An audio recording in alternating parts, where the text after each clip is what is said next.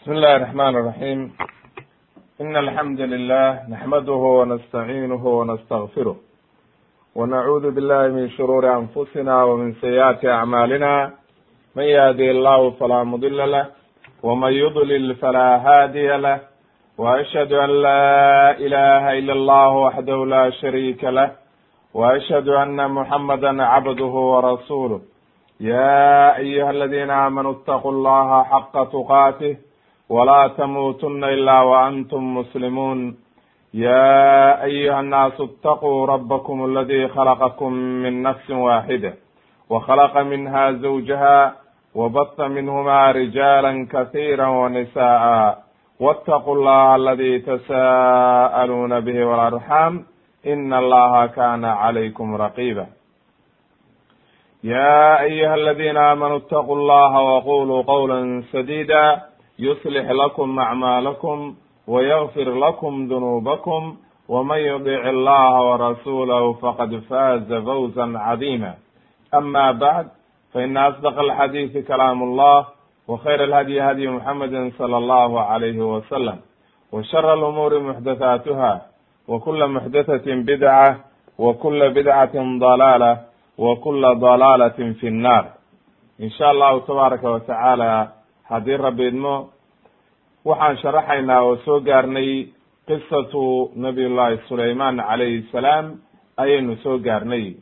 Waa inagii soo sharaxnay qisatu nabiyullahi daawuud. Daawuudna suleymaanna waa wiilkii nabiyullahi daawuud calayhi salaam calayhim assalaam. Awalan waxaan ugu horumarinaynaa qodobka ugu horreeya nasabu sulayman calayhi salaam. Ayaynu horta bal abtiriskiisa ayaynu soo qaadanayna. Qaala alxaafid ibnu casaakir waxa uu yihi taariikhda waxa uu ku keenay kitaabkiisa taariikh. Wuxuu yihi sulayman ibni daawud ibni yasa marka mar haddii uu yahay nabiyullahi daawud wiilkiisii ay macruuf tahay waa sidii aynu soo sheegnay oo nabiyullahi daawud aan ku soo sharaxnay. Waxa uu galaa oo waxa weeye ku abtirsadaa ninka la yidhaahdo yahuuda oo waxa weeye wiilashii ahaa nabiyullahi yacquub calayhi salaam labiyo tobankii wiil oo nabiyullahi yacquub uu dhalay oo u qeybsamay labiyo tobanka qabiil oo ay u kala baxeen maaragtay reer bani israa'iil. Marka yahuuda weliba maaragtay waa qabiilkii ugu badnaa oo waxa weye maaragtay macruufka ayaa nabiyullahi daawud ka dhashay. Hade daawudna sulaymanna waxaa dhalay nabiyullahi daawud marka waxa weye saasay yacquub ibnu isxaaq ku galaan oo waxa weye waa min duriyati nabiyullahi ibrahim ilahay baana kitaabka ku caddeeyey qur'aanka oo markuu ka hadlayay nabiyullahi ibrahim fi suurati ancaam ilahay waxa uu yihi wa min duriyatihi daawuda marka sulaymanna waa lagu daray oo waxa weye sulayman iyo daawud iyo kulligood markii la tiriyay nebiyadii ayuu ka mid ahaa marka waa macruuf oo waxa weye khilaaf kuma jiro arrintiisa. Waayahay waxaa la oran jiray buu yihi kunyadiisa aburabic nabiy llahi ibnu nabiy llah ibnu nabiy llah macnaha nebi ilaahay ayuu ahaa oo waa macruuf. Alihi subxaana qaadirkaa baa nebi ka dhigay aabihiina nebi buu ahaa. Saas wey maaragtay maaragtay marka nasabkiisa iyo taariikhdiisa. Qodobka labaad waxaan ku soo qaadaynaa sulayman khaliifatu daawud calayhi salaam fi lmulki wannubuwa nabiyullahi daawud waxaynu soo sheegnay waxaan nidhi waxa ilaahay isugu daray nebinimadii iyo waxa weeye boqortooyadii oo labadiiba isaga ayaa gacanta ku dhigay. Haddaba marka labadiiba haddana ilaahay wuxuu isugu daray nabiyullahi sulayman calayhi salaam.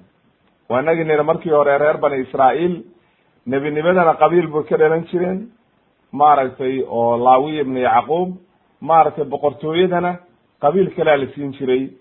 Marka sidaa daraadeed kabacdi markii nabiyullahi daawud calayhi salaam uu dilay ninkii dhaalimka ahaa jaaluud ayaa marka ilaahay wuxuu isugu daray nebinimadii iyo waxa weye boqornimadiiba. Washadadnaa mulka wa aataynaahu lxikmata fasla alkhidaab. Marka boqortooyadii iyo waxa weye kulli waa la isugu daray. Kabacdi marka nabiyullahi sulayman baa ka dhaxlay oo ilaahay waxa u yihi qaala allahu tacaala wawaritha sulaymanu daawuuda nabiyullaahi sulayman waxa uu dhaxlay oo ka qaatay dhaxal ahaan u qaatay nebinimadii sulayma daawuud iyo boqortooyadiisiiba. Wa qaala waxa uu yidhi yaa ayuha annaas dadow cullimnaa waxaana la baray mantiqa tayr ilaahay mucjisooyinkii uu siiyey bay ka mid tahay nabiyullahi sulaymaan inuu shimbiraha la hadli jiray iyo xayawaanka. Wa uutiinaa min kulli shay wax walbana waxbaana laka siiyey oo waxa weeye boqortooyadii iyo wanaaggii ilaahay uu siiyey oo faraha badnayd inoo imaan doonta insha allahu tabaaraka watacaala waxa uu yidhi ina hada lahuwa alfadlu lmubiin allihii subxaana qaadirka ahaa ayaa fadliga iyo wanaaggaas xaggiisa ka ahaatay waana fadli iyo wanaag aad u fara badan oo dheeraado fi suurati naml haddaba marka qowluhu tacaala macalshaahidka waxa weye aayadda u keenay halkan wawaritha waxaa la yidhi macnaha ina daawuud calayhi salaam waxa uu lahaa ba la yidhi sagaal iyo toban wiil. Ayuu dhalay ba la yidhi. Sida ay maaragtay mufasiriintu leeyihiin.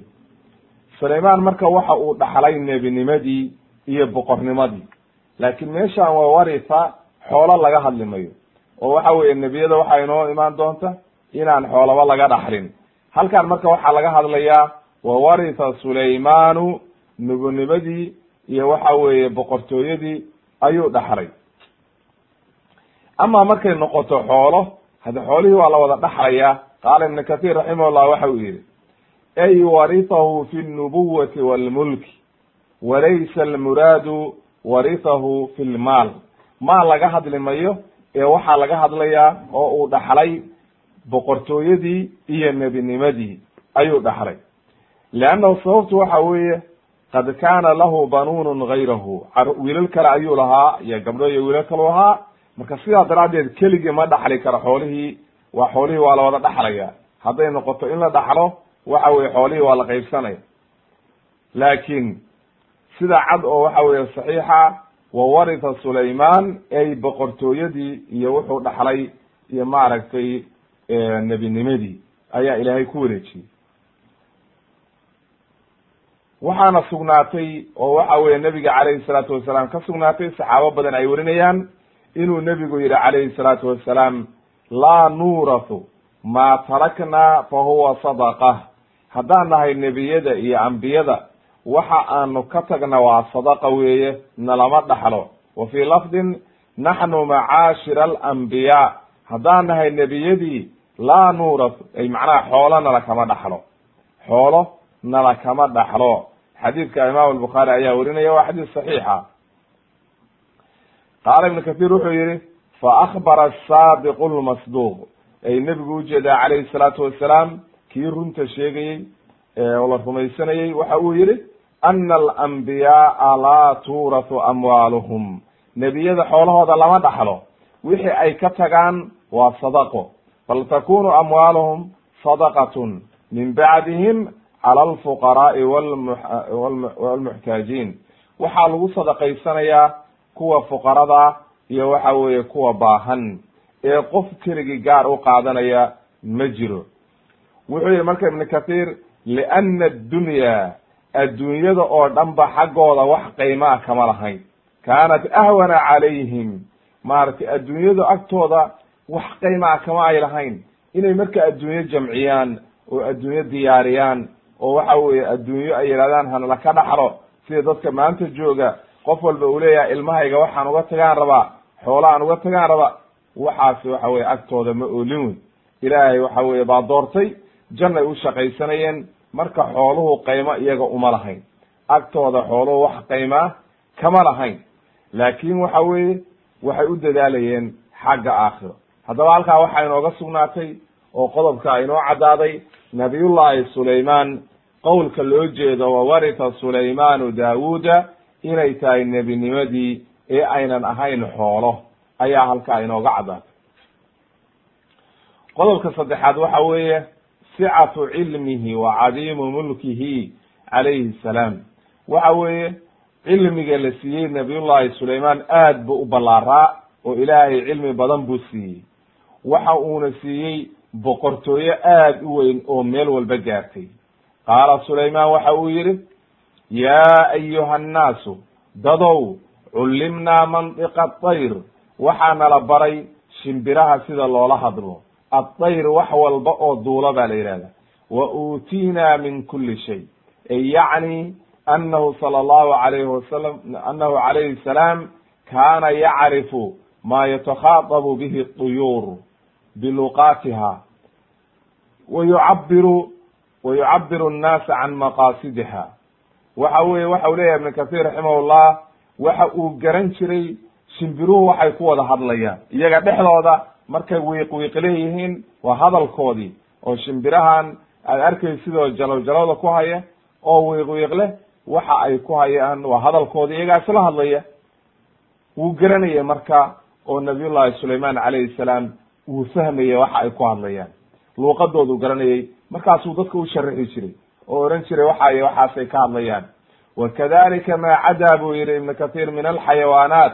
Xayawaanka kaloo dhan wuxuu garanayay waxa ay ku hadlayaan. Wasaa'iri sunuufi lmakhluuqaat cid walba wuu fahmi jiray baa la yidhi oo allihii subxaana qaadirka ahaa ayaa siiyey weye fahamka. Wa qowluhu wa uutiina min kuli shay ay min kuli ma yaxtaaju lmulku ilayhi min al maaragtay wax walba oo u baahnaa boqortooyadiisa hadday ciidan noqoto hadday aalad noqoto hadday maaragtay wixii maaragtay rakuubkii ama wixii wax walba oo boqortooyadiis u baahnayd dhaqaale hadday noqoto wax walba ilaahay waa siiyey leannahu ilaahay wuxuu u soo kulmiyey min aljinni walinsi walطuyuur walwuxuush washayaaطiin intaasoo dhan baa ilaahay siiyey oo waxa weye ilahay u soo kulmiyey jinnigii waxa weye waa u adeegayaan. Insigii waa u adeegayaan dadkii shimbirihii waa u adeegayaan xayawaankii waxshiga ahaa xataa waa u adeegayaan shayaadiintii waa u adeegayaan. Intaasoo dhan ilahay waa siiyey. Haddana markaasa ilaahay waxa uu baray cilmi iyo wax walba ayaa ilaahay baray oo wuxuu baray inuu xataa maaragtay kulli uu garanayo wax walba oo dadkii ku hadlayaan laakiin intaasoo dhan markii la siiyey nabiyullahi sulayman calayhi salaam oo ilaahay saa ugu manaystay ma uu kibrin. Islamana weynaanin mana uu odhan anaa dadka ka xoog badan xoog baan leeyahay midna ma u odhan. Bal waa tawaaducay oo waxa uu yihi ina hada lahuwa alfadlu lmubiin ay wanaaggaas oo dhan oo la isiiyey allihii subxaana qaadirka aha ayaa igu galadaystay ee waxa waxaan aniga xooggayga ku keensaday oo aan awood ku leeyahay ma aha. Rabbigii subxaana qaadirkaa ayaan ugu shukri naqayaa oo waxa weye u tawaaducayaa rabbigii waxa weye samawaadkana abuuray dholalkana abuuray. Saasaa la rabaa marka qofka bilwaaniga markii ilaahay uu wax siiyo oo waxa weeye wanaag ilaahay siiyo inuu rabbigii subxaana qaadirka u tawaaduco oo waxa weye uunan kibrin ayaa la rabaa. Halkaana waxay inooga caddaatay inuu aad iyo aad waxa weye boqortooyadiis u ballaaray waana inoo imaan doontaa iyadoo tafsiil ah waxyaalaha ilaahay siiyey oo waxa weeye cajiibka. Qodobka afraad waxaan ku soo qaadaynaa simaacuhu calayhi salaam isaga oo la hadlaya oo garanaya lishitaabi naml isagoo qorax la hadlaya quraanjada yaryartaa macnaheedi isagoo fahmaya oo luuqadeedii fahmaya oo waxa weye allihii subxaana qaadirka inooga sheekeeyey. Qaala allahu tacaala ilahi waxa uu yihi waxushira lisulaymana junuuduhu min aljini walinsi waاطayri fahum yuuzacuun waxaa loo soo kulmiyey nabiyullahi sulayman waxa weeye junuudiisii ciidankiisii jinnigii iyo insigii shimbirihii kulli iyagoo la soo diyaariyey oo waxa weeye soconaya ayaa loo soo wada diyaariyey oo waxa weeye fahum yuuzacuun ay macnaha iyagoo dhan tartiibkoodi iyo wanaagoodii la soo diyaariyey oo waxa weye markaas nidaamsan xataa idaa atow calaa waadi nnaml ilaa ay ka yimaadeen waxa weeye waadi waa webiga iyo meelaha dee toga tog bay yimaadeen waxa weeye quraanjo ay joogto. Waadi naml qaalat namlatun. Quraanjaa hadashay marka. Culamadu marka waa isku khilaafeen. Hal kaana waxay yidhahdeen hal kaana sulayman yaclamu gayra mandiqa dayr min saa'ir alxayawaan. Culamadu waxay isku khilaafeen xayawaanka kale ma garan jiray maaragtay nabiyullahi sulayman mise shimbiraha keliyaa la baray. Halkaan marka daliil waxay u tahay inuu garan jiray. Marka waladi calayhi alakthar annahu kana yaclamu aswaata saa'ir alxayawaanaat. Wa min dalika annaml waxa weeye quraanjada lama yihahdo waa shimbir. Shimbiraha waxaa la yidhaha waxa duula marka maadaama uu shimbirihii markii hore wuxuu yihi man culimnaa mandiqa dayr shimbirihii baan la baray waxay ku hadlayaan. Halkaan marka waxaa ka caddaatay haddana inuu xayawaanka kalena fahmayo waayo waa kan namla quraanjo wey quraanjaduna ma aha shimbir waana tano waxa weye wuu gartay waxay ku hadlayso. Marka quraanjaa hadashay yay la hadlaysaa qoomkeedii iyo quraanjadii kale. Waxay tihi yaa ayuha annamlu quraanjoy udkhuluu masaakinakum war gala waxa weye waxaad gashaan maaragtay godadkiina meesha aad ku jirteen oo godadkiina gala. Oo maxaad u gelaysaan laa yaxdimanakum sulaymaanu wa junuuduhu wahum laa yashcuruun. Warya idinku joogsanin oo ida burburinin sulaymaan iyo ciidankiisa. Haddana way u cududaarto waxay tihi wahum laa yashcuruun. Iyagoo aan waxba ida ogeyn oo ida dareemeynin halkaa markay marka saa u hadashay ayaa fatabasama daa'ika min qawliha. Wuu qoslay marka waa dhoolla caddeeyey oo waxa weye wuxuu ku qoslay arrinteedii. Wa qaala markaasu waxa uu yihi rabbigii subxaana qaadirka ahaa oo wuxuu ku shukriyayaa fahansiiyey waxa ay ku hadlayso. Wa qaala wuxuu yihi rabbi awzicnii an ashkura nicmataka alatii ancamta calay allihii subxaana qaadirka abuu barya wuxuu yihi ilaahu igu ilhaami oo igu hanuuni inaan kaaga shukri naqo wanaagga aad igu nicmaysatay nicmadaada aada igu galladaysatay wa calaa waalidaya iyo waalidkayna inaan ku shukriyo wa an acmala saalixan tardaahu camal wanaagsan ood ka raalli tahayna inaan sameeyo ilaahu igu hanuuni. Wa adkhilnii haddana igeli biraxmatika fi cibaadika asaalixiin ay aljanna ilaahu addoommadaada saalixiinta iga mid dhig oo jannada gelaya oo waxa weeye wanaagga hele fi suurati namli ayaa aayadahaas ku soo arooray qawluhu tacaala fahum yuuzacuun ay waxaa laga wadaa yusaaquuna wa yuraddu awalahum ilaa aakhirihim liyasiruu fi nadam macnaha waxaa laga wadaa fahum yuuzacuun ay macnaha ciidanka iyo marka la soo diyaariyo oo waxa weye la nadaamiyo waxa weye qayb qayb baa loo socdaa tartiib baa lagu wadaa nidaam lama kala dheereeyo haddii ay qolo walba iska tagto qaarna laga taga lama ogola waxaa la rabaa in hadba la isku joojiyo oo la isku celiyo waa nidaamka marka maaragtay lagu wado. Qaala ibnu kathir raximahullah waxa uu yihi allihii subxaana qaadirka halkan waxa inoogu caddeeyey addoonkiisii nebigiisana ahaa oo waxa weeye haddana ahaa wiilkii nebigiisa nebi daawud calayhi salaam sulayman calayhi salaam inuu maaragtay maalin maalmaha kamida ciidankiisii soo kaxaystay oo waxa weeye uu safar u soo diyaar garoobay isaga oo markaa waxa weeye kulli ay la socdaan. Dadkii iyo jinnigii iyo waxa weye shimbirihii. Wuxuu yihi marka ibn kathir waljinu walinsu yasiruuna macahu jinniga iyo insigu way la socdaan. Waadayru saa'iratun macahu tudiluhu macnaha shimbirihiina korkiisay duulayaan oo waxa weye way la socdaan marka. Wa calaa kuli min hadihi ljuyuush buu yihi ciidamadaas oo dhan buu yihi oo waxa weye shimbiraha iyo kulli iyo maaragtay jinniga iyo dadkaba waxay leeyihiin buu yihi ciid rag nuqaba la yihahdo oo waxa weye waa ragga madaxda oo waxa weeye uga hooseeya isaga oo ilaalinaya oo waxa weeye wada. Yarudduuna awalahu calaa aakhirihi macnaha isku celcelinayo oo wada oo nidaam ku wada ayay leeyihiin oo kala tegi mayaan oo kala yaaci mayaan oo qof walba suu doono isaga socon mayo. Bal waxa weeye nidaam baa lagu socdaa oo waxa weye waa la nidaaminaya falaa yataqadamu axadu can mawdicihi. Qof meeshiisa ka dhaqaaqi karaa ma jiro nidaam bay ku wada socdaan.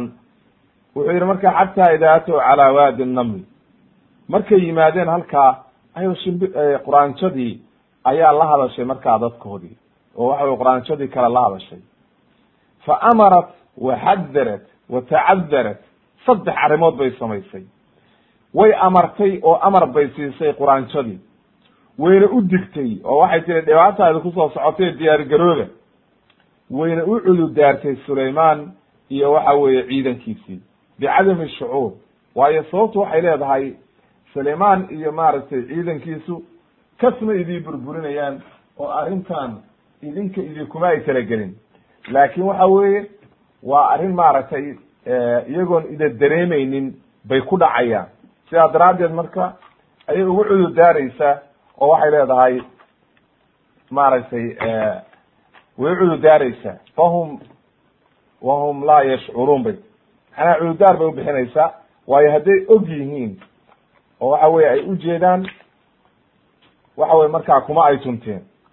Marka waxay leedahay idinku tuman mayaan oo kas idinku tuman mayaan. Laakiin way u cududaartay oo waxay tiri maaragtay idama garanayaan ee arrinta ma aha waxay idinka idinla jeedaan. Halkaa marka waxaad ka ogaatay inay maaragtay aada iyo aad ay ula dardaarantay qoomkeedii.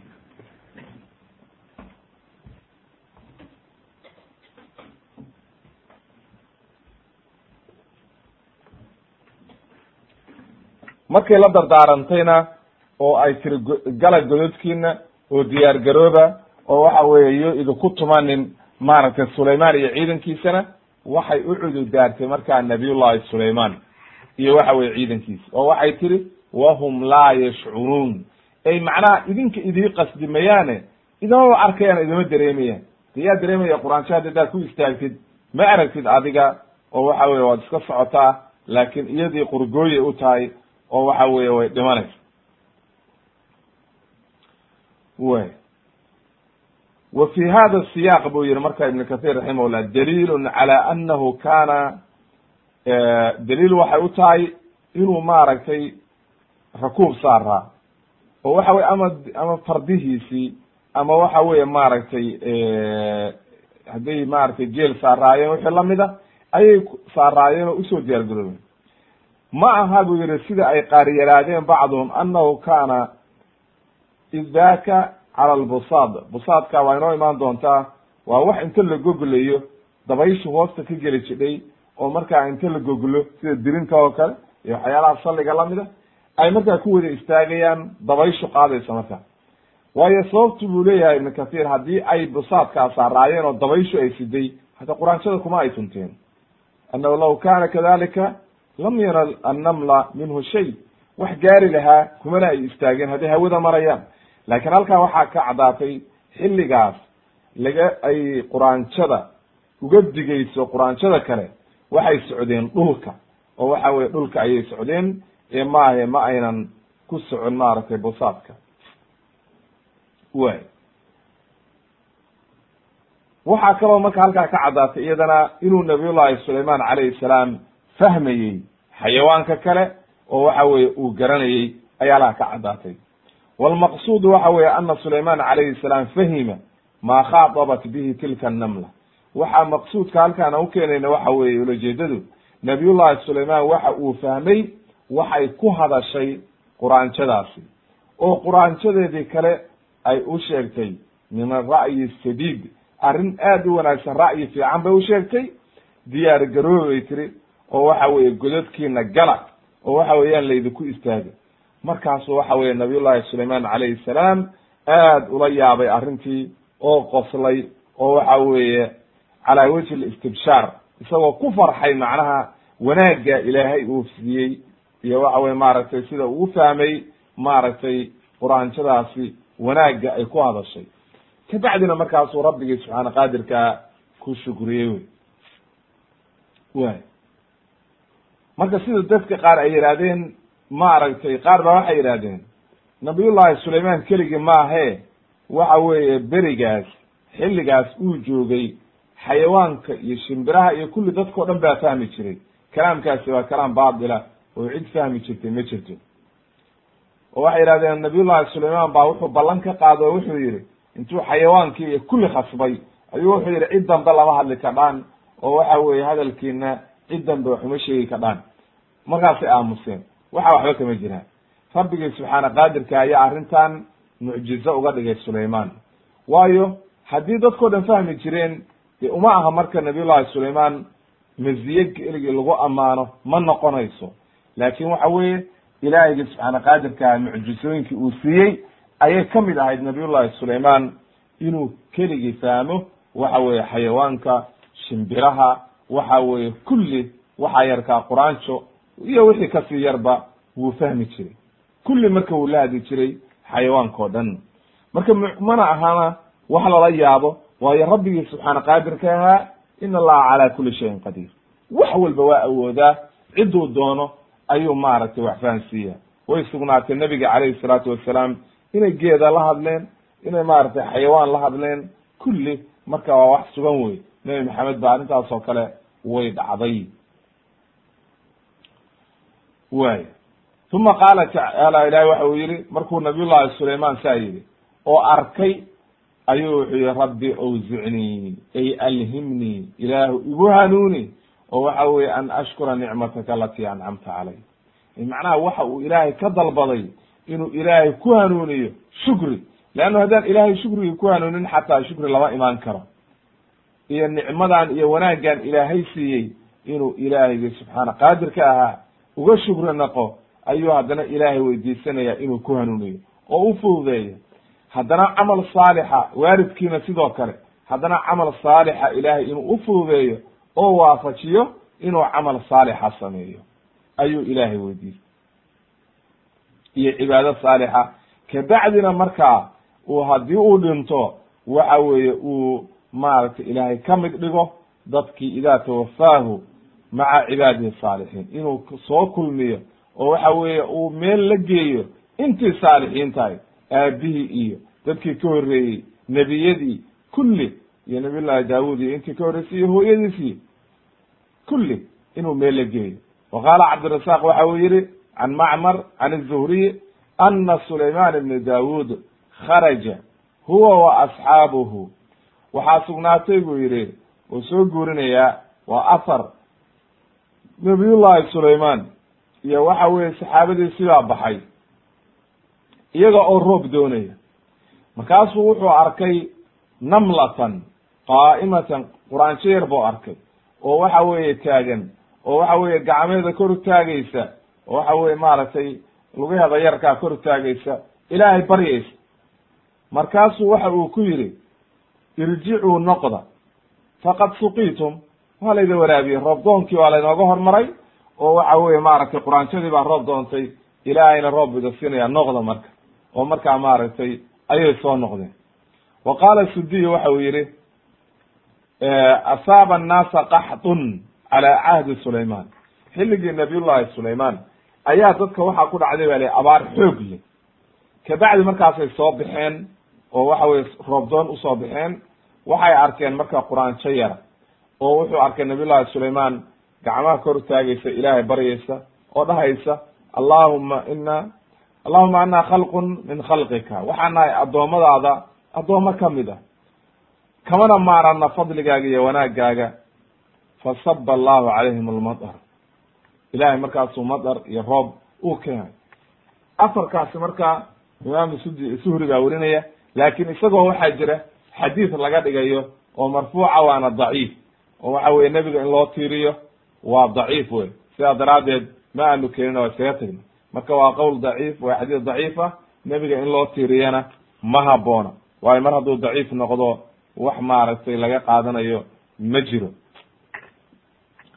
Haddaba qodobkaa waxaa inooga caddaaday afraad nabiyullahi sulayman calayhi salaam inuu maaragtay fahmi jiray xayawaanka oo dhan. Xataa quraanjada ugu yar inuu fahmi jiray oo waxa weeye kulli uu la khidaabi jiray ayaa halkaa inooga caddaatay. Qodobka shanaad aan u soo gudbayna waxa weeye dikru ma kana min amrihi maca balqis malikata saba. Nabiyullahi sulayman iyo arrintii dhex martay gabadhii boqortooyadii saba haysatay oo la oran jiray balqis gabadhaa iyo n nebi sulayman arrintii dhex martay ayaynu qodobkan ku soo qaadayna insha allahu tabaaraka watacaala sida ilaahay inooga sheekeeyey aayadaha qur'aanka. Qaala allahu tacala ilahi waxa uu yihi aayadahan horta sheegeynaa kabacdina markaas ayaan aqwaasha culamada u imaanayna. Watafaqada aطayra faqaala ma liya laa ara alhudhuda am kana min algaa'ibiin waxa uu waayey ba la yihi shimbirkii la oran jiray dayrkii oo waxa weye adayr waa shimbirahoo dhan marka hal shimbir buu waayey. Markaasuu wuxuu yihi aawey hudhudkii waa hudhud marka hudhudkii buu waayey. Marka marka hore waxaa la yidhi adayr kabacdina isagii baa sheegay. Marka wuxuu yidhi ma li laa ara alhudhuda. Marka shimbirka uu waayey waa hudhud. Am kana min alghaa'ibiin ma maqan yahay. Maxaan u arki waayey miyuu maqan yahay? Low cadibanahu cadaaban shadiida waxaan cadaabayaa markuu yimaado cadaab aad u adag waa ciqaabayaa macnaha waan ciqaabaya ow laadbaxanahu ama waaba gawracayaa gebigiisaba ow layatiyanii bisulطaanin mubiin ama wuxuu ila imaanaya xujo adag saddexdaa mid baa dhacaysa inuu maaragtay cududaar la yimaado oo waxa weeye uu uu badbaado marka oo aan la gawricin lana cadaabin haddii uu marka cududaar la imaan waayo oo uu iska tegay isagoon cududaar lahayn oo wax saxiixa aan ku maqnayn. Marka ama waa la cadaabayaa oo waa la garaacayaa oo ciqaab baa la marinaya ama gebigiisaba waa la gawracaya waa la qalaya. Ilahay waxa uu yidhi famakatha gayra baciidin. Ay hududkii ay famakatha gayra baciidin. Ay qaliila min azaman wa wakti yar kabacdi waaba yimidba oo hududkii waaba iskeenay. Oo nabiyullahi sulaymaan buuba soo ag fadhiistay muddo yar ka bacdi. Markuu nabiyullahi sulaymaan saa yidhi wax yar ka bacdi waaba kan hududkii waa yimid isagoo tawaaducaya oo waxa weeye maaragtay ayuu u yimid nabiyullahi sulaymaan. Marka hudhudku waxa weye waa shimbirka macruufka oo hududka la yidhaahdo arrimo marka wuxuu leeyahay bay leeyihiin culummadu khaasa oo waxa weye hududka caam uu ku yahay. Waxaa la yidhi culummadu sida ay leeyihiin khaasnimadiisa waxyaalaha ilaahay uu siiyey waxaa ka mida hududka. Annahu yara almaaa min bucdin macnaha waxa uu ka arkaa ba la yidhi biyaha meel fog oo waxa weye dhulka hoostiisa. Dhulkuu saa u fiirinayaa wuxuu arkayaa ba la yidhi dhulka hoostiisa intaasoo mitir oo waxa weye aad iyo aad u fog biyaha ku jira buu arkayaa ba la yidhi. Marka waxaa la samayn jiray ba la yidhi uu caam ku yahay bay yihahdeen culummadu haddaad aragtid hududku meelu inta fadhiistay uu qodqodayo biyaa ku jira ba oo macruuf wuxuu ku yahay ba la yidhi arrintaa. Ilaahay baa awood u siiyey inuu biyaha eego. Oo uu dhulka hoostiisa wax ka arko ayaa ilaahay awood u siiyey ba yidhi. Marka waxay leeyihiin culummadu haddaad aragtid meel hududku uu faarfaarayo oo intuu fadhiistay biyaha dhulka uu faarfaarayo biyaa ku jira. Meesha haddii la qodo biyaa loo tegayaa ba wuxuu marka samayn jireen ba la yidhi nabiyullahi sulaymaan wuxuu u diri jiray ba la yidhi sahanka biyaha. Markay ciidanka iyo meel marayaan ayaa la odhan jiray ord biyo inoo sahan. Markaasuu socon jiray meeshii dhulka uu arkay inay biyo ku jiraan buu markaa waxa weeye u tilmaami jira odhan jiray halkaan markaas halkaana biyo ku jira. Maalin baa marka la waayey sida inoo imaan doonta. Nebiguna waa nahiyey calayhi salaatu wasalaam huduudka in la dilo. Xadiidkii cabdullahi ibni cabaas ayaa ku soo arooray isaga iyo dhowr kaloo xayawaana maaragtay sida maaragtay quraanjada iyo shinida iyo hududka iyo nebigu in la dilo waa nahiyey xadiidka imaam axmed iyo abu daawud baa werinaya waana xadiis saxiixa sida sheekh albani ku caddeeyey fi saxiix aljaamic lix kun sagaal boqol lixdan iyo sideed waa xadiis saxiixa haddaba markaa famakata kayra baciidin ay bacda qaliilin ayuu yimid oo u yimid. Faqaala markaasuu hadlay wuxuu yihi nabiy llahi sulaymaan buu la hadlay. Gardaro kuma maqnayn buu yihi cidlana kuma maqnayn. Wax muhiiman ku maqnaa oo cududaar buu keensaday. Leanna waa inuu ka badbaado cadaabkii iyo dhibaatadii. Wuxuu yihi axadtu bima lam tuxid bihi waji'tuka min saba'in binaba'in yaqiin. Waxa aan ogaaday buu yihi cilmi adigu aadan ogaanin. Waxaanan kuula imid buu yihi cilmi oo aan ka keenay me cilmi saxiixa arrin saxiixa naba waa war akhbaar saxiixa ayaan ku wadaa oo xaggee ka keentay min saba. Min saba-in marka waxay leeyihiin culummadu wuxuu ahaa ismu rajul oo waxa weeye la oran jiray kab shamas ayaa la oran jiray ba la yidhi.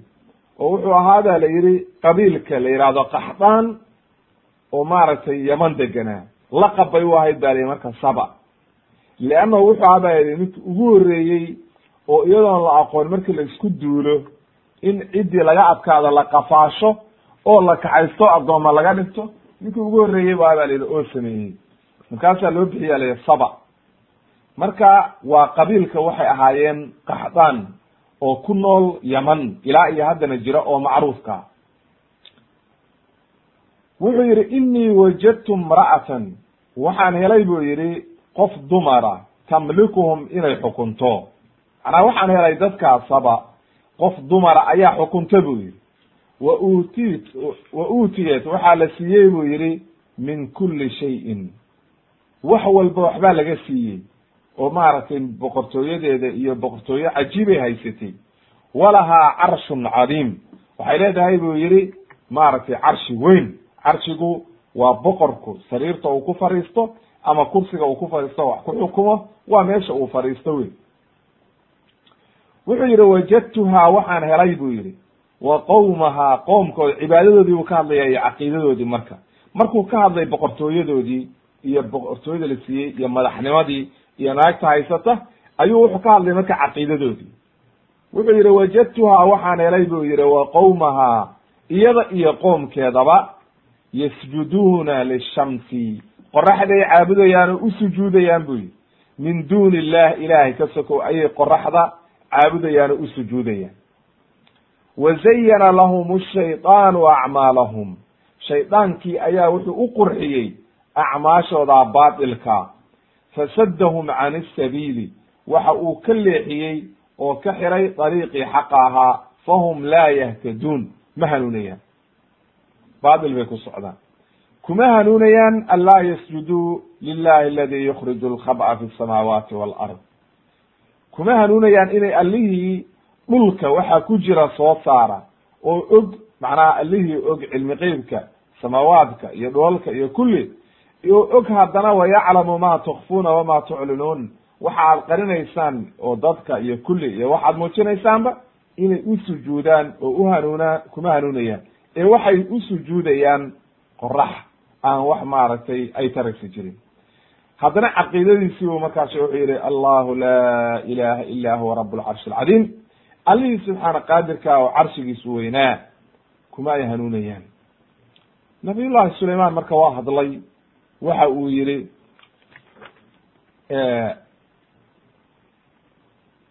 nabiy llahi sulayman aayadaha horta aan dhamayno waxa uu yihi marka nabiy llahi sulayman qaala sananduru asadaqta am kunta min alkaadibiin ninkii cududaar buu la yimid oo waxa uu keensaday cududaar markaasuu waxa uu yihi marka nabiy llahi sulayman la hadlo wuxuu yihi waan eegeynaa buu yihi ma run baad sheegaysaa mise beenlow baa tahay?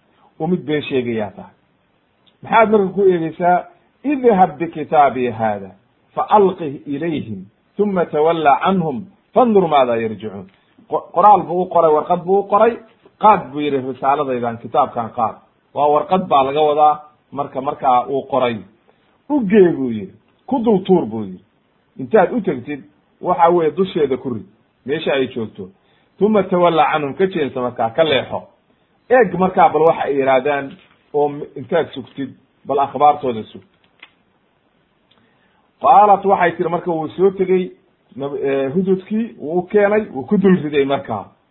Kabacdi markaa iyadii ayaa bilowday markaa oo kalaamkii bilowday. Gadaal bay nooga imaan doonaa. Laakin waxaan sharaxaynaa horta bal intaan ayaynu aqwaasha culamada ku sharaxaynaa.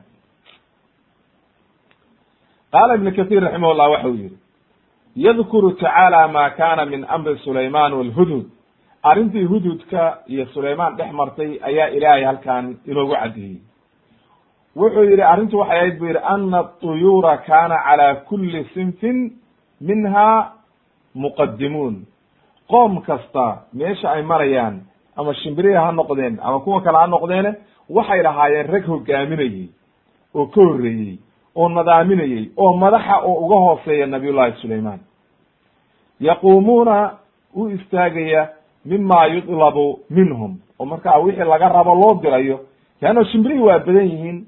Marka koox kamida iyaga dhowr kamida ayaa madax u ahaa oo arrintooda loo dirayay oo waxa weye qof walba wixii uu rabo markaa nebigay u imaanayeen nebi sulayman oo odhanaya haye maxaan maanta qabanaa saa iyo saa sameeya halkaas sameeya halkaas sameey kala dirayay waa sida hadda maanta matalan madaxda oo kale.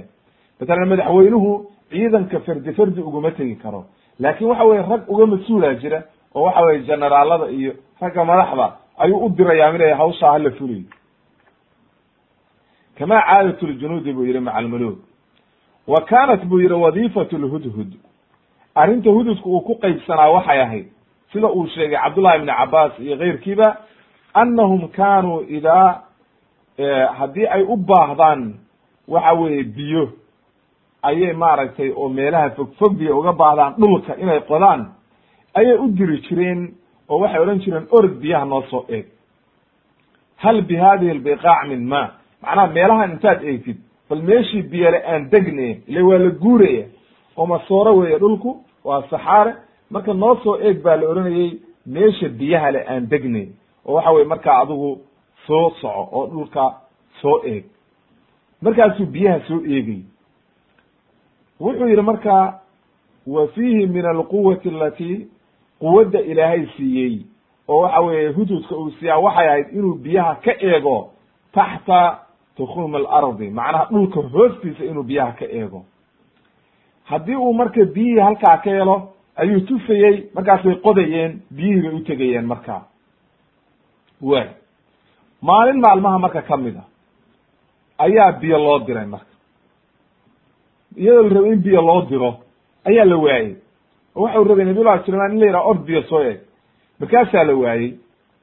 Walam yajid wuu waayey marka fii mawdicihi war aawey buu yihi hududkii ma lii laa ara lhududa am kana min alghaa'ibiin ay ma lahu. Maxaa ku dhacay.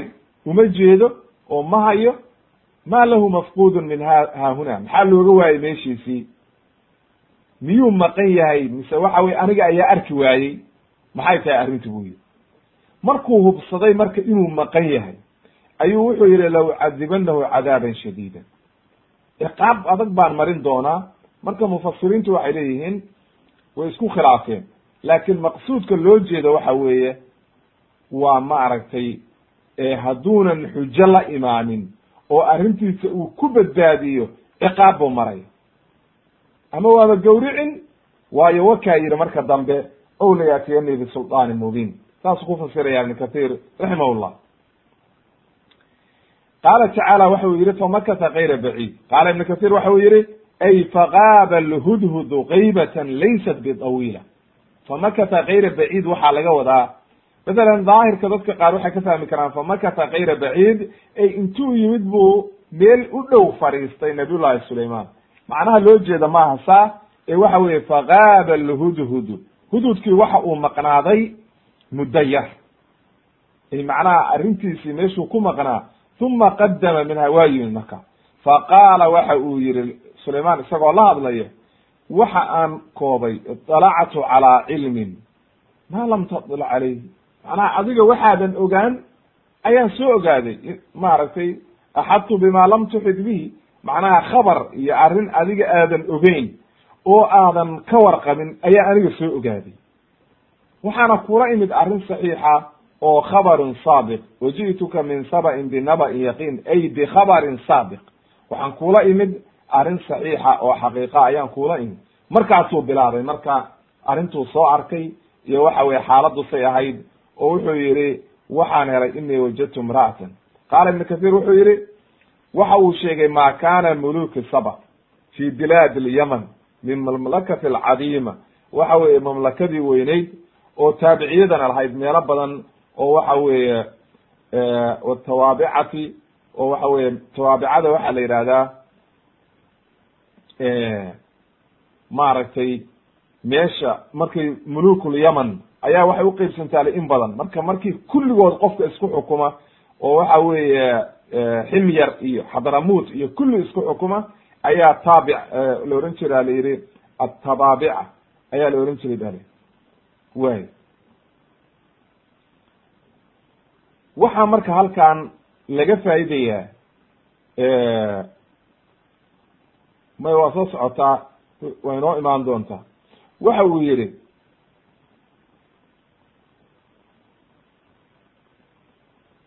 halkaa marka ibn kathir waxa uu yihi mamlakadaa weynanka badnayd oo aad iyo aad u weyneyd ayaa markaa waxa dhacday meeshaas ayuu marka ka soo warramay. Oo waxa weeye uu hududku ka soo warramay. Way wuxuu sameeyey marka hududkii arrintiisii buu caddeeyey oo wuxuu yihi anigu arrintaasaan kula imid waji'tuka min saba'in binaba'in yaqiin. Ee nimankaasaba ayaan akhbaartaa kaaga keenay oo arrintaasaan ku maqnay. Haddana caqiidadoodii buu ka hadlay. Ee macnaha aniga kuma aana maqnayn wax khalada ee arrintaas saxiixa ayaan maaragtay ku maqnaa ayuu yidhi. Way wuxuu yidhi wa kana almulku buu yidhi qad aala fi dalika azaman ila imra'atin minhum ibnata malikihim macnaha waxaa xilligaa boqortooyada haysatay buu yidhi ibnu kathiir gabar markii horena aabaheed uu haysan jiray boqortooyada iyagaa u dhiibay marka sida uu sheegay maaragtay imaamu thaclabi waxa uu leeyahay iyo keyrkiiba markii hore ba yidhaha ana qowmaha markii hore oo xilligaa malakuu calayhim bacda abiha rajulan facama bihi lfasaad aabaheed ayaa boqor ahaan jiray gabadhan balqiisa la yidhi aabaheed waa boqor ahaan jiray markii hore markaa markii aabaheed dhintay ayay boqortooyadii waxay u dhiibeen ba la yidhi nin kale ninkii wuxuu sameeyey ba la yidhi marka fasaad badan iyo dhibaato badan iyo mashaakil badan ayuu dhulkii dhigay markuu dhulkii fasahaadiyey marka oo mashaakil sameeyey oo dhulkii fasahaadiyey ayaa waxaa dhacday markaa oo mashaakil badan uu sameeyey. Ayaa warqad u qortay ba la yidhi gabadhaan oo waxay tiri waxaan rabaa inaad iguursatid. Oo waxa weye maadaama aad boqorkii tahay aabahayna dhaxashay. Markaasuu yidhi waaya markii ay gurigii ugu timid ayay inta khamri ka dhejisay ayay dishay ba layidhi kabacdi markaa ayaa dadkii oo dhan ku farxeen oo la yidhi alla yidhi wax wanaagsan bay samaysay haddii ay dishay. Oo waxa weye iyadii baa markaa la doortay oo arrinteedii waxay noqotay arrin aad iyo aad u cajiiba oo waxa weye iyadii baa markaa la doortay wey way waxay yidhahdeen marka culammadu waxay leeyihiin waxaa la ohan jiray magaceeda balqiis. Oo sida ay sheegayaan balqiis bintu yashrax ayaa la ohan jiray ba la yidhi. Wa huwa al hudaad wa qiila waxaa la yidhi sharaaxiil ibn dijand ayaa la yidhi. Marka waxay leeyihiin saba magacaas ayuu maaragtay ibnu saba. Ayaa la ohan ayuu galaa ba la yidhi oo ay saa ugu abtiriyaan. Qabiilka qaxdaan marka weeye ba la yidhi. Oo waxa weye qabiilka haddaba qaxdaaniyiinta la yihahdo macruufka ayaa maaragtay arrintaas ay nimanka ahaadeen wa kaana abuha min akaabir lmuluk aabeed wuxuu ahaa ba la yidhi boqoradii waaweynaa oo u telin jiray oo xilligaa waxa weeye u telin jiray ayuu ahaa ba la yidhi markuu aabaheed marka dhintay sida ibnu kathiir uu leeyahay ayay qabsatay. Waqad habata fi saxiixi lbukhaari imaamu lbukhaari waxa uu weriyey xadiid cawf can ilxasan can abi bakra an bakrata ana rasuula allahi sala allahu alayh wasalam lama balagahu markuu soo gaaray ana ahla faris mallakuu calayhim ibnata kisra. Markii kisra uu dhintay ayay reer faris waa xilligii nebiga calayhi salaatu wasalaam ayay boqortooyadii waxa ay siiyeen oo u dhiibeen gabadhiisii oo waxa weeye kisra u dhalay. Markaasuu nebigu waxa uu yidhi lan yuflixa qowmun wallow amrahum imra'ah. Ma liibaanayaan oo wanaag ma helayaan. Qowm waxa weeye arrintoodii u dhiibay gabar oo boqortooyadii gabar u dhiibtay weligood ma liibaanayaan. Marka xadiidka imam albukhaari baa weriyey fi kitaabi almakaasi oo e, e, iyo imam tirmidi iyo ayaa weriyey waa xadiis saxiixa iyo imam nisa iyo ayaa weriyey marka waxay leeyihiin culummadu ma banaana inay waxa weeye dadka hogaamiso qof dumara wa qowluhu wa uutiyat min kuli shay wa uutiyat min kuli shay. Wax walbaa la siiyey maxaa laga wadaa? Ay mima sha'nahu. Waxa weye wuxuu leeyahay ibn kathir ay macnaha wixii boqortooye la siin jiro o dhan waa la siiyey. Ma aha in wax walba iyada la siiyey leanna waxyaalo badan oo nabiy llahi sulaymaan haysto ayaysan haysan. Marka laakin wixii ay u baahnayd oo boqortooyada uga baahnayd waa la siiyey. Hadday ciidan tahay hadday dhaqaalo tahay hadday wanaag tahay waa la siiyey. Walahaa carshun cadiim ay sariira mulkiha. Macnaha boqortooyadeeda aad bay maaragtay carshi weyn bay leedahay kursi weyn. Oo waxa weeye laga buuxiyey de waa kursi laga sameeyey bu ahaa ba la yidhi dahab iyo lula iyo. Oo waxa weye markaa lagu xixiray sidaan boqortooyinku ay sameeyaan oo kale wey oo maarata ay faanka iyo kibirka ka wada uma dakara kufrahum billah inay gaalo yihiin buu u caddeeyey oo ay qoraxda caabudaan oo wax daliila aysan haysan qaala ibnu kasiir wuxuu yidhi waxa uu caddeeyey markii ugu horreysay caqiidadoodii kufri inay yihiin oo gaalnimo ku jiraan inay qoraxda caabudayaan laakiin yaa sabab ugu ah oo arrintaas sameeyey shaydaan baa dhumiyey buu yidhi oo shaydaan baa u sawiray waxaan cibaadada noocaasa inay qoraxda caabudaan oo waxay arrintaa la yimaadaan wuxuuna ka leexiyey buu yidhi inay caabudaan allihii samaawaadka iyo dhulalka iyo wax walba ogaa iyo naftiina waxa ku jira iyo waxaad qarinaysaan iyo kulli ka warqabay oo dhan wuu qariyey buy ee wuu ka leexiyey buy kabacdina wuxuu sheegay allihii subxaana qaadirkaa inuu carshigiisu aada u wen yahay oo caqiidadiisiibuu ka hadlay. Wuxuu yidhi ibnu kahiir raximahullah fa cinda dalika bacatha macahu sulaymaan calayhi salaam. Markaas ayuu wuxuu la diray buu yidhi oo u dhiibay kitaab risaalo u qoray oo wuxuu yidhi isagoo ugu yeeraya diinta saxiixa iyo inay ka soo noqdaan waxa ay ku jiraan ayuu nabiyullahi sulaymaan kitaabkii u qoray markaa oo daacada ilaahay ay u soo noqdaan ilaahayna ka cabsadaan ayuu amray. Muxuu amray marka? Waxa weeye wuxuu yidhi kitaabkaygaan qaad buu yidhi idhab bikitaabi hada faalqih ilayhim uma tawalla canhum fandur maada yarjicuun orod buu yidhi kitaabkan qaad oo u gee oo waxa weeye u sheeg. Maxaa marka kitaabkii ku qoran?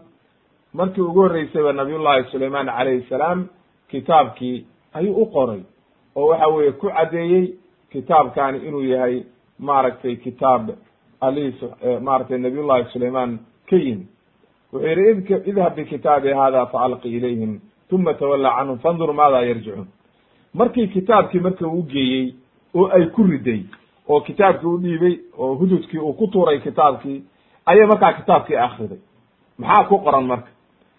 Qaala allahu tacala ilah waxa uu yidhi markay soo kulmisay gabadhii dadkeedii oo waxa weeye gabadh xoogaa caqli badan bayba ahayd waxay isugu yeertay madaxdii iyo golihii shuuradeeda iyo baarlamankii.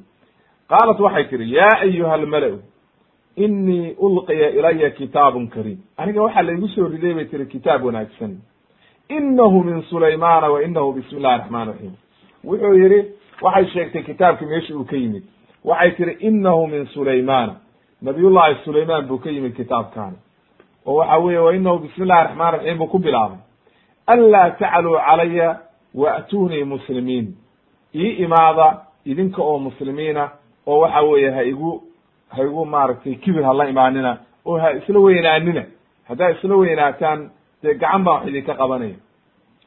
Qaalat way hadasho waxay tihi ya ayuha almalow aftunii fi amri ma kuntu qaadicatan amran xata tashhaduun.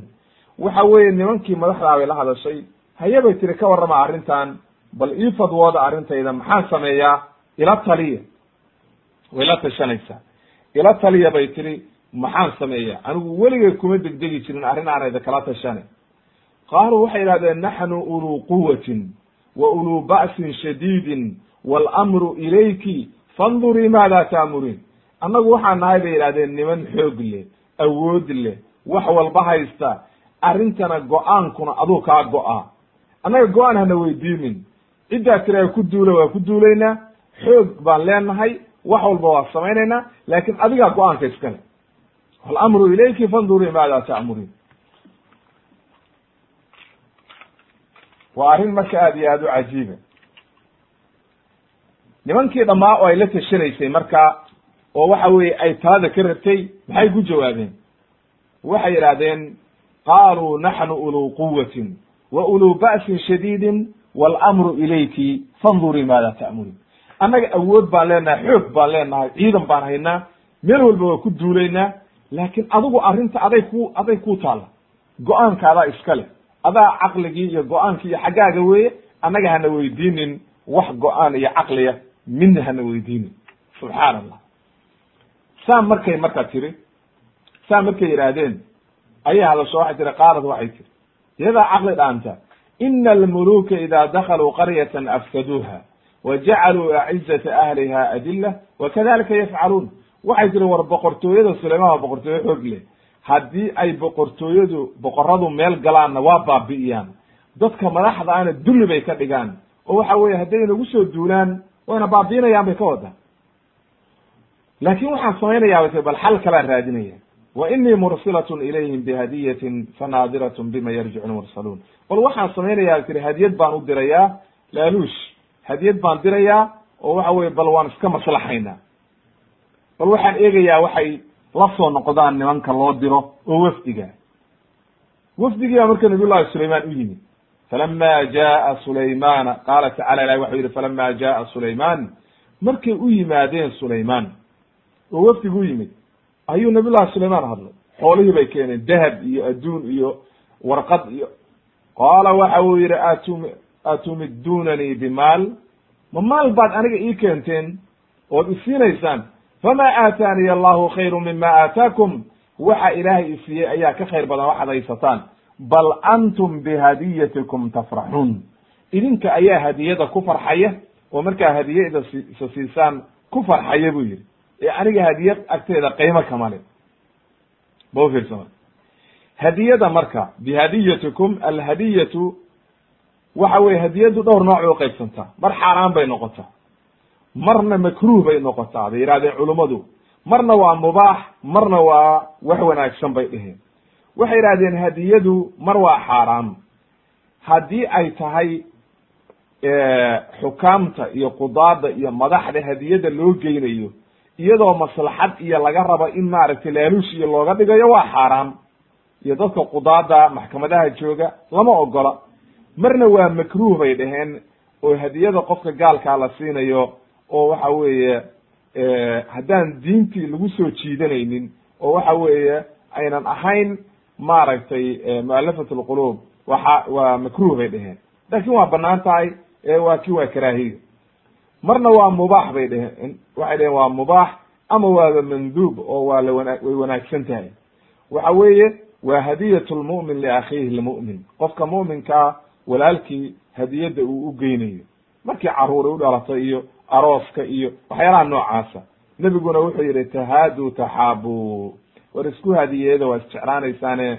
Waxaa weriyey rawaahu abi yacla fi musnadihi. Ayaa xadiidkaa werinaya waana xadiid xasana sida sheekh albani ku caddeeyey fi irwa lqaliil raqamka kun iyo lix boqol iyo kow iyo fi saxiix iljaamic saddex kun iyo afar. Waa xadiid xasana.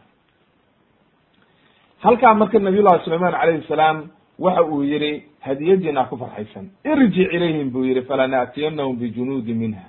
Waxaan ula imaanaynaa ciidan adag oo aynan iska celin karin. Laa qibala lahum biha. Aynan awood ulahayn inay iska celiyaan. Walanukhrijanahu minha. Waana ka saaraynaa meesha ay joogaan oo ka qaadaynaa adilatan wahum saagiruun. Iyaga oo dulaysan oo waxa weeye aan wax qiimaa lahayn. Ayaanu meeshaana ka saaraynaa oo ka qaadi doonaa ee u sheebale way haddaba marka halkaa arrintii markay halkaa gaadhay nabiy llahi sulayman calayhi salaam qaala ibnu kathir wuxuu yihi nabiy llahi sulayman markuu kitaabki u qoray oo u diray oo waxa weeye uu maaragtay ugu yeerayey cibaadada ilaahay daacadiisa inay adeecaan maadaama uu isagu yahay boqorkii uu yahay maaragtay nebigii ilaahay inay adeecaan oo soo raacaan ayuu ugu yeeray ay kana soo noqdaan baatilka iyo waxa ay ku jiraan iyo gaalnimada inay ka soo noqdaan oo ay arrintiisa uhogaansamaan ayuu ugu yeeray oo wuxuu ku bilaabay wuxuu yihi anlaa tacluu calay. Ay laa tastakbiruu can daacati daacadayda iyo inaad amarkayga yeeshaan ha iskala weynaanina haddaad iskala weynaataan halaag baa idinku dhacaya iyo dhibaatee ogaada oo arrintayda hadiidinina miyay yeeleen marka wa'tuunii muslimiin buy idinkoo muslimiina. Hoggaansamay oo arrintayda yeelay oo waxa weye aan diidin mudiiciina oo waxa weye aan canaad la imaana waxa weye adeecaya imaada. Falama jaaha alkitaab buu yihi ibn kathir markii shimbirkii hudud uu u keenay kitaabkii wuxuu yihi marka ibn kathir iyadoo gurigeeda ku jirta ayuu u keenay. Halkaasaana laga soo qaatay buu yihi inay dadku hadda risaa'ilka ay isku qoraan wafuudda iyo madaxda iyo warqadaha la isku qoro halkaasaa laga soo qaatay be nabiy llahi sulayman baa ugu horreeyey ba la yidhi wax warqad u qoro dad oo waxa weye risaalo sii dhiiba oo waxa weye hududkaas ayaa arrinta bilaabay. Marka rasaa'ilka iyo boostooyinka iyo maanta la isku dirayo halkaasi ka soo bilaabatay bali way halkaasa marka waxaa ku tiilay tiim barihiisii. Ayuu u diray mar alla markuu markaa u yimid ayuu waxa weeye u tuuray ba li wuxuu yihi fadakara kayru waaxidin min almufasiriin waxay sheegeen ana alhudhuda markuu kitaabkii soo qaaday jaa'a ilaa qasriha gurigeedii buu yimid faalqaahu ilayha wa hiya fii khalwatin laha. Iyadoo keligeed gurigeeda ku jirta ayuu u soo tuuray oo waxa weye ku tuuray.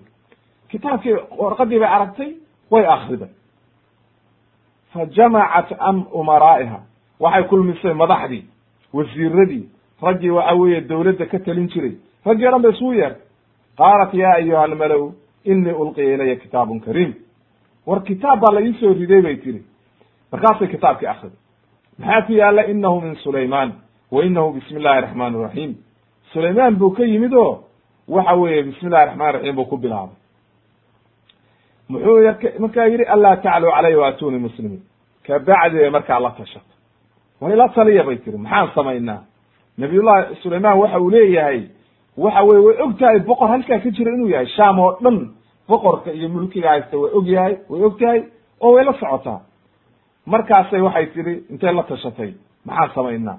Oo waxa weeye see baan yeelna haddii waxa weeye niman caqlile ma ay ahayn oo markay tiri war arrintayda ii fadwooda oo arrinta maxaan ka yeelnaa ma ay dhihin war aynu hogaansano oo waxa weye ninkaa iskama celin kare waxaa la raba inay yidhahdaan aynu islaamno oo waxa weeyaan raacno nebiga calayhi salaatu wassalaam waxay yidhahdeen qaaluu naxnu uluu quwatin wa uluu ba'sin shadiidin. Annagu awood baan haysanaa ee waxa weye arrinta adiga weeye fiiri bal sida aad maaragtay ka garatid walamru ilayki fanduri maada ta'muriin waxay u gudbiyeen marka inay yidhaahdeen annagu adigan ku adeecaynaa. Waxaa rabti samee. Si alla say kula muuqato adiga samee. Annaga awooddeedii waa ku diyaar xooggeygii waa ku diyaar adaan ku adeecaynaa kaa hor imaan mayno bal adigu marka sidii aad rabtid samee waay haddaba marka iyadii keligeedaa fekertay waxay ogaatay ninka kitaabkan soo qoray. Inaan waxa weeye laga hortegi karin. Oo way og tahay boqortooyada xilligaas uu haystay sulaymaan nabiyullahi sulaymaan inay ahayd boqortooye adag. Oo waxa weye aad iyo aad u adag. Leanno nin jinnigii iyo insiba u adeegayaan shimbirihii u adeegayaan iskamay celin karto. Marka waxay ogaatay inaynan iska celin karin oo waxa weye aynan awood ulahayn ay ku qaabisho sulaymaan iyo ciidankiisa way la hadasho waxay tihi ina almuluka idaa dakaluu qaryatan afsaduuha. War hadday boqoradu soo galaan iyo dawladaha waaweyn magaalo ay soo galaan oo waxa weye ay inoo yimaadaan wayna baabiinayaan. Eber bay inaga dhigayan wayna fasaadinayan ee waxay ka wadaa macnaha xukumkiina waa laynaga qaadaya waxa weeye markaas waxaynu noqonaynaa dadka caadiga ah oo kale. Raciyada dadka ayaynu ka mid noqonaynaa ama waa layna laynayaaba way. Ee maxaa maaragtay saasay samaynayaan bay arrintaas marka waa arrin macquula kalaam fiican bay u soo jeedisay oo sadiida qaal ibn kathir wuxuu yidhi ina hada almelik waxay ka wadaa haddii uu inaga adkaado oo inagu soo duulo haddii arrinteenu ku ekaan mayso keliya maaragtay inuu maaragtay xukunka inaga qaado. Bal waxa weeye dhibaata ina soo gaaraysa. Oo waxa weye mashaakil oo dhan baa inagu imaanaya addoommaan noqonaynaa waa layna qafaalanaya dhibaata inagu dhacaysa iskamana celin karno. Laakin bal waxaan samaynayaa bay tiri arrinta bal tilaabo tilaabo marka ugu horeysa waxaan samaynayaa inii mursilatun ilayhim. Waxaan hadiyad baan u diraya oo waan eegayaa bal waxay la soo noqdaan. Waxay damacday marka bal inay xoogaa maslaxad raadiso oo waxa weye intay xoole sii dhiibto ay tiraa warniyow iska kaayadaa annagu waxa weeye diinteedaan haysanaynaa oo waxa weye maaragtay noodaa xukunkeega xoogaagaasna qaado oo waxa weye maaragtay inay iska maslaxdo ayay damacday laakin hadee nabiyullahi sulayman calayhi salaam oo wax walba ilaahay siiyey oo aan doonaynin xoolo doonaya keliya in meesha islaam ilaahay la caabudo keliya miyuu ka yeelay? Falama jaa sulaymaana markay u yimaadeen wafdigii oo dahab wada xoolo wada wax walba wada oo waxa weye jawaabtii wada ayay xoolihii soo hordhigeen qaala wuxuu yidhi atumidunani bima? Xoolaad aniga ii keenteen oo waxa weye aad ii fidinaysaan. Ilahay baaba wax walba isiiye qaala ibn kathir wuxuu yihi raximah llah hada waqad kana tilka alhadaaya. Waxa weye hadiyadaasi waxay ahayd ba la yidhi hadiyad aad u weyn sida ay sheegeen mufasiriintu oo wax walba ay ku soo kaamishay ayay ahaayeen. Laakiin ma uu aqbalin celiya buu yidhi irjic ilayhim falanaatiyanahum bijunuudin minha dagaal baa bilaabmay marka. Goodi buu u galay orod ku celi buu yidhi. Ballan waxaa buu yidhi inaan ula imaado ciidan xoog leh oo aynan iska celin karin oo waxa weye maaragtay aan gebagabeeye iyagoo dhan. Ayaa maaragtay ballantu tahay celi buu yihi marka. Irjic ilayhim falanaatiyanahum bijunuudin. Maaragtay waxaan ula imaanaynaa ciidamo adag ayaan ula imaanaynaa. Laa qibala lahum biha aynan awood ula ulahayn qaala ibnu kahiir wuxuu yihi ay irjic bihadiyatika. Hadiyadaada la noqo wey orod la noqo hadiyada aada wadaan. Oo waxa weye ma doonayno. Alihii subxaana qaadirkaa waa wax ka khayr badan na siiye la noqo hadiyadaha halkaas ayaa markaa oo waxa weye maaragtay uu yihi maaragtay noqda. Oo waxa weye u goodiyey markaa uu yihi maaragtay waxaan ula imaanaynaa ciidan adag. Ay fala abcahanna ilayhim bijunuudin laa yastatiicuuna difaacahum waxaan u soo dirayaa ciidan hade jinni iyo insi baa lagu sii daynaya iyo shimbiro iyo xayawaan miyay iska celin karaan marka? Aynan iska celin karin ayaan u soo diraya oo waxa weye aynan la dagaalami karin.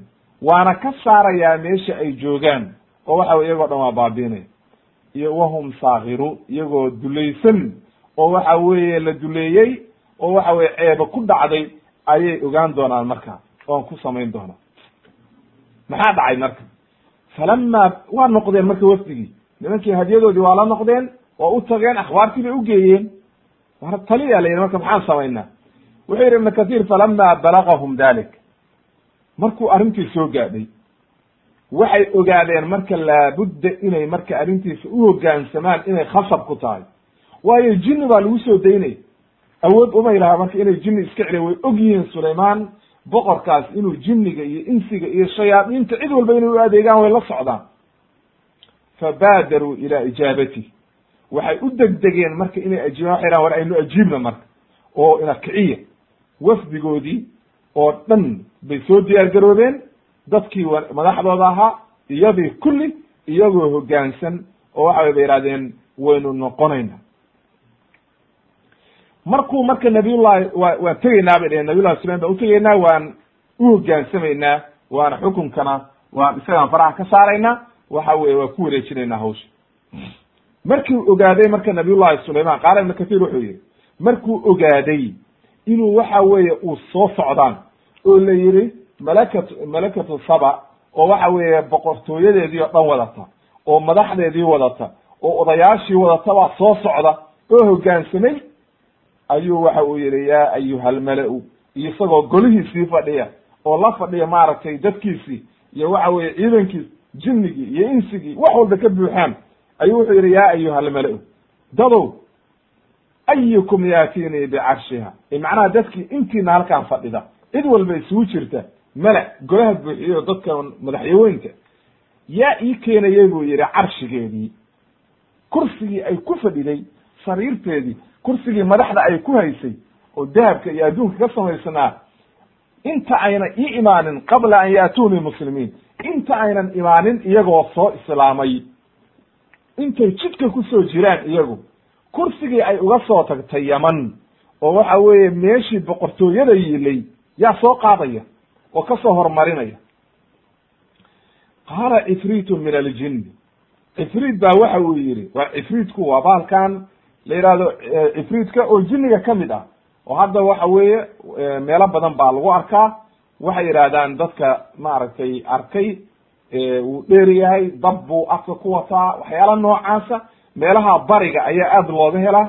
Waxaad arkaysaa hamaynbarkii haddii aad meel maraysid ama waxa weeye aad baabuur iyo wax wadatid wax un kugu soo ordaya oo soo socda aad moodi baabuur soo socda nalki baxaya. Hadhowna waxaad arkaysaa wixii oo dheeraaday oo waxa weeye aad iyo aad u cajiiba aayad kursiday ku akriyaan markay aayad kursiga akriyaan wixii waa baaba-ayo laakin waxa weeye min aljinni ayuu ahaa oo jinnigu ka mid ahaa. Marka jinnigu ka mid yahay. Ayaa hadlo wuxuu yidhi ana aatiik. Anaa kuu keenaya iska daa intayna imaaneen waxaan kuu keenayaa maaragtay ana aatiika bihi qabla an taquuma min maqaamika.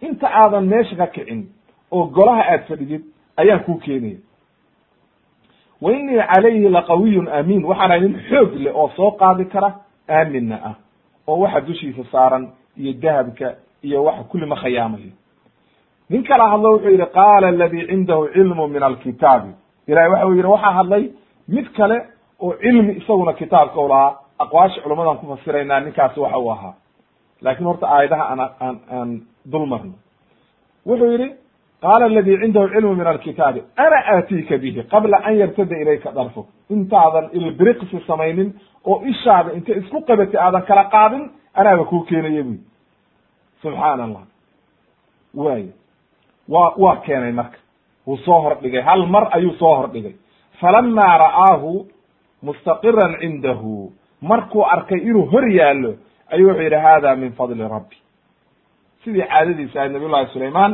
wanaag kastoo ilaahay u galo inuu ilaahay u shukri naqayo ayuu wuxuu yidhi hada min fadli rabbi. Waxa weeye waa fadliga iyo wanaagga ilaahay igu galladaystay weye waxaana la eegayaa liyabluwanii a ashkuru am akfur? Waxaa laygu imtixaamayaa oo waa imtixaan inaan ber shukri naqo iyo inaan gaaloobo. Waman shakara fa inamaa yashkuru linafsi waman kafara fa ina rabbii ganiyun kariim. Qofkii shukriyena ilaahay buu ku shukriyey oo waxa weeye naftiisuu ku shukriyey naftiisii anfacaya shukrigii qofkii gaaloobana haddi allihii subxaana qaadirka ah hani weeye waa ka maarma. Way qaala wuxuu yidhi nakiruu lahaa carshaha.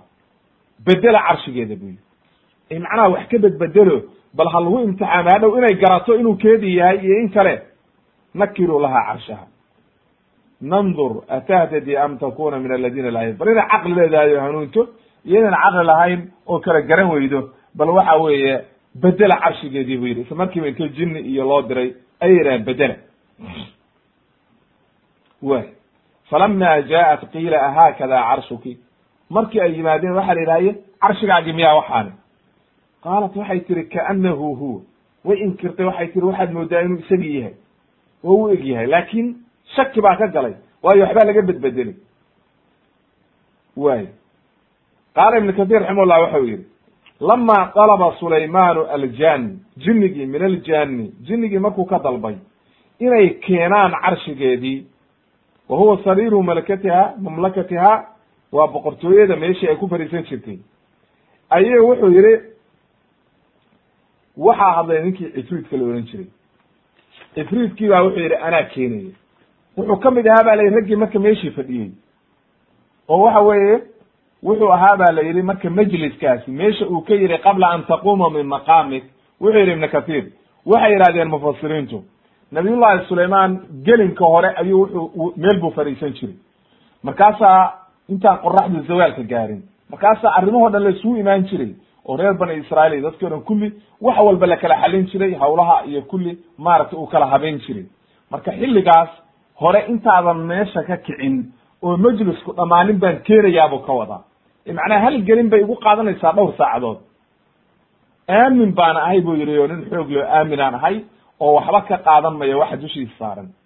Waxaa hadlay ninkii kale oo cilmiga lahaa oo kitaabka u lahaa waxay yidhahdeen marka sida mashhuurka ah ninkaasi wuxuu ahaa. Ilaahay uu yihi qaala aladii cindahu cilmu min alkitaabi.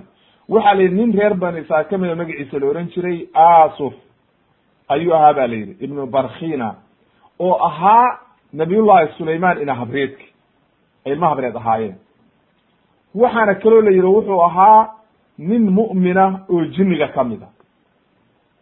Waxaa kaloo la yidhi kana fi ma yuqaalu yaxfadu alism alacdam. Wuxuu xifdisanaa ismiga ilaahay oo la ismi alacdam.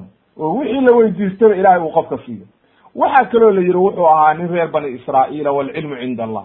Qaar waxay yidhahdeen waaba nabiyullahi sulayman laftigiisa laakin qowlkaa waa daciif cala kuli xaal culimadu waxay u badan yihiin wuxuu ahaa ninka la yidhahdo asuf ibnu barkhina oo nabiyullahi sulayman ilma habreed ahaayeen oo waxa weeye ismu lacdam xifdisanaa ilaahay o maratay isimkaasan kugu weydiistay hal mar soo dhig baa la soo hordhigay marka. Way. Waxau yidhi marka ibn kathir wuxuu yidhi ana aatiika bihi qabla an taquma min maqam qabla an yartada ilayka darfuka. Maxaa laga wadaa macnaha waxaa laga wadaa ba la yidhi inaad qaar waxay idhahdeen inaad qof dirtid oo hawl u dirtid oo waxa weeye u dirtid meesha araggaagu ku dhammaado halkaa fiiri inta aad aragtid ilku wareertay inaad qof u dirtid oo tiraad halkaan ka tegtid hawshaa ka soo qabo soo noqo inta una soo noqon baan keenaya ma nusaacba saacadba taqriiban. Qaar saasay yidhahdeen qaarna waxay yidhahdeen maya inta aad inta meel eegtid saa inta u eegtid ishaada soo celisid. Oo ishaadu markay daasho way soo noqonaysaa. Oo ishu intay ku wareedho waad soo noqonaysaa saad meesha u eegeysa shan daqiiqo ma eegi kari toban daqiiqo. Qaarna waxay dhahaan maya isha isku qabo oo kala qaad inta aadan mar labaad isku qaban baan ku soo hordhigay. Ama intaad isku qabatid intaadan kala qaadin baan ku soo hordhigay. Walcilmu cind allah marka kolley waa ilbiriqsi. Adigu calaa kuli xaal qabla an yartada ilayka darfuk luqada carabi marka laga hadlayo waa inta aadan isha soo celin wey ishaadu intayna soo noqon ayaan waa muddo yar kole adigu muddadii yarayd ayaa allihii subxaana qaadirka ahaa ugu fududeeyey waana la soo hordhigay nabiy llahi sulayman ilahay waxau yidhi falama ra'aahu mustaqaran cindahu. Markuu arkay isagii oo hor yaalla ayuu wuxuu hadlay nabiyullahi sulayman oo wuxuu yidhi intuu hadlay maaragtay macnaha boqork kursigii balqiisa oo hoog yaal markuu arkay ayuu markaa allihii subxaana qaadirka ahaa ku shukriyey marka.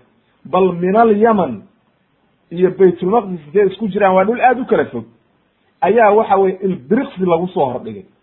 Qaala wuxuu yidhi hada min fadli rabbi liyabluwanii aashkur am akfur macnaha caadadiisa waxay ahayd daa'ima nabiy llahi sulayman ilaahay wixii uu siiyo inuu ka shukri naqo oo waxa weye mar walba uu shukriga ilaahay uu badiyo.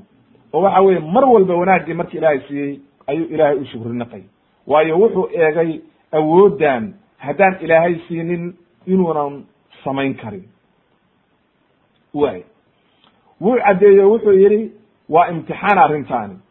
Haddii aad ku kibirtid waad ar dadka maanta madaxda ama waxa weye awoodda ilaahay siiyo waa ku sii kibrayaan wixii wanaaga oo la siiyaba. Laakin nabiyullahi sulayman calayhi salaam waxa uu leeyahay maaragtay hada min fadli rabbi. Fadli iyo wanaaggii ilaahay weeye. Wuxuuna igu imtixaamayaa liyabluwanii aashkur. Waa laygu imtixaamaya waxa weeye bal inaan ku shukri naqo ilaahay. Iyo inaan waxa weeye ku kibro oo ku gaaloobo laakiin wuxuu yidhi waman shakara fa inamaa yashkuru linafsi ay inamaa yacuudu nafcu dalika calayhi. Macnaha qofku hadduu ilaahay ku shukriyo wanaaggaa uu sameyo shukrigaas wanaaggaa iyo fadligaa iyo ajarka adug ku soo noqonaya aday ku anfacaysaa aakhiro wanaagga aad samaynaysid. Haddaad gaalowdidna ilahay waxaad ka qaadaysid male ay ina allaha ganiyun can shukri shaakiriin shukriga aad shukri naqaysid ilahay qani buu ka yahy oo waxa weye ilaahay uma baana oo waxay taraysana ma jirto. Kabacdi markaasu wuxuu sameeyey nabiy llahi sulayman wuxuu amray buu yihi ibn kathir in la bedelo carshigeedii waxa weeye dahabkii iyo xuluyigii iyo wixii ku yihi wax ka bedbedela bal inay garato. Nandur ataatadi am takuna min aladina la yahtaduun. Falama jaaءat markay timid qiila ahaakada carshuki? Qaalat kaanahu huwa ay wuxuu yihi marka ibnu kathir caqligeeda gabar caqli badan bay ahayd. Halkaa waxay kutusaysaa marka inaynan caqli xumayn. Isla markiiba ma ay oran waa isagii. Mana ay oran ma aha. Ee waxay tihi kaanahu huwa. Waa u eg yahay bay tiri. Waa u eg yahay. Liannaha waxay la yaabtay isagiina way u malaysay way u jeedaa inuu isagii yahay waxayna la yaabtay dee mucjizada carshigeedii ay uga soo tagtay yaman in halkaan maanta la keeno oo loo soo dabamariyo way yaabtay oo ma ayna garanaynin awoodda intaa leeg inuu qof awoodi karaa jiro ama waxa weeye ay suurtagal tahay. Haddana qaala allahu tacala ilahay waxau yidhi ikhbaaran can sulayman nabiy llahi sulayman ba ilahay ka hadlay. Wuxuu yihi nabiy llahi sulayman wa uutiina alcilma min qabliha wa kunna muslimiin. Iyaga hortood baa ilaahay cilmina siiyey. Muslimiin baanuna ahayn oo waxa weye annagu muslimiin baan nahay wasaddaha ma kanat tacbudu min duni illah inaha kanat min qowmin kaafiriin wuxuu ka leexiyey marka wa manacahaa cibaadatu shamsi qoraxda inay caabuddo buu u diiday oo qorax dambe caabudi maysaan buu yidhi oo sujuuddii ay u sujuudi jirtay qoraxda ayuu u diiday oo ka celiyey oo waxa weeye uu ka manciyey min duuni illah oo wuxuu yidhi diinta ilaahay raaca oo waxa weeye diintii iyo caqiidadii ayuu u bandhigay oo waxa weye uu ka leexiyey. Way leannahu sababtu waxa weeye wax daliila oo wax diino ay haysteen ma jidha mushrikiin bay ahaayeen. Wa kana sulayman qad amara bibinaa'in wuxuu amray nabiyullahi sulayman intay soo socdeen guri weyn in la dhiso oo laga dhisay maaragtay sujaaj dhalooyin iyo biyo hoosta kaga jira iyo waxa weye maaragtay guri cajiiba oo dhala dhalaa in loo dhiso ayuu amray. Wuxuu marka sameeyey ba la yidhi wa jacala calayhi suqafan min sujaaj. Biyuu inta hoos dhigay. Ayuu dusha wuxuu ka saaray biyihii dhalo muraayad ah oo waxa weye saa uu dusha uga saaray. Meesha dariiqa loo soo marayo gurigii. Markaasuu intuu gurihii galay oo kursigii ku fadhiistay ayuu yihi soo geliye. Markay marka soo gashay meeshii dariiqii la marayey hoostiisa waxaa ku jira biyo. Wuxuuna ku riday buu leeyahay ibnu kathiir meeshii biyihii kalluun iyo waxa weeye maaragtay waxyaalihii badda xayawaankii badda. Markii la yidhi soo gal marka. Ayay waxay aragtay maaragtay nabiyullahi sulaymaanna wuxuu ku fadhiyaa sariirtiisii. Falama ra'athu qaala allahu tacala ilahi waxa uu yihi falama ra'atu xasibatu lujatan ay maaragtay waxay u malaysay min ma biyo u malaysay oo biyaha dhaladhalada ah oo fadhiya oo sida maaragtay dee xilliga maaragtay barafka oo kale iyo biyaha meesha fadhiista oo waxay siryaada ku sabireeda xanin xas wa kashafat can saaqayha. Qoobkeeday banaysay labada qoob bay banaysay oo kor bay u qaadatay maradii bay tafaxaydatay markaasuu la hadla wuxuu yidhi inahu sarxun mumaradun min qawaariir waxa weeye waa maaragtay sarxun mumaradun min qawaariir ay min sujaaj. Marka waxa weye waxa meeshaan lagu dhisay waa dhaladhale eh. Ma aha biyahani ku gaari mayaan iska soo soco waxa weye muraayad baa ka sokayse markay arrintii aragtay ayay ilaahay u toobad keentay. Qaalat rabbi ilaahay bay u toobad keento waxay tihi rabbi inii dalamtu nafsii ilaahayow naftaydaan dulmiyey oo waxaan ii habboonayn baan gacanta la galay wa aslamtu maca sulaymana lilahi rabbi alcaalamiin allihii waxaan maaragtay waan hoggaansamay waanan islaamay allihii subxaana qaadirkaa ayaan uhogaansamay waxaanan islaamay anoo la jira nabiyullahi sulayman oo waxa weye diintii nabi sulayman ayaan galay allihii subxaana qaadirkaa markaa ayay saa ugu hoggaansantay oo ay islaamtay meesha ku islaamtay oo waxa weye kabacdina markaa aad arki doontaa arrinteedu meesha ay ku dambeysay waxa weye halkaa marka waxaa inooga caddaaday inay nabiyullahi sulayman calayhi salaam iyo arrintii dhex martay balqiisa oo waxa weeye dheerayd ayaa halkaa inooga caddaatay inay marka nabiyullahi sulayman calayhi salaam qoftaas waxa weeye uu saas arrinteeda ay ahayd kabacdina ay islaamtay kabacdi markaa waxa weeye ay ka mid noqdeen boqortooyadii nabiyullahi sulayman saba oo dhan ay soo hoos galeen iyadiina ay saa ku islaamtay ayaa maarata halkaas inooga caddaatay marka halka ayaan maanta ku joojinaynaa insha allahu tabaaraka watacaala weli qisadana way sii socotaa. Wasubxaanaka allahuma bixamdika ashhadu an laa ilaha illa anta astaqfiruka waatubu ilayk walxamdu lilahi rabi alcaalamiin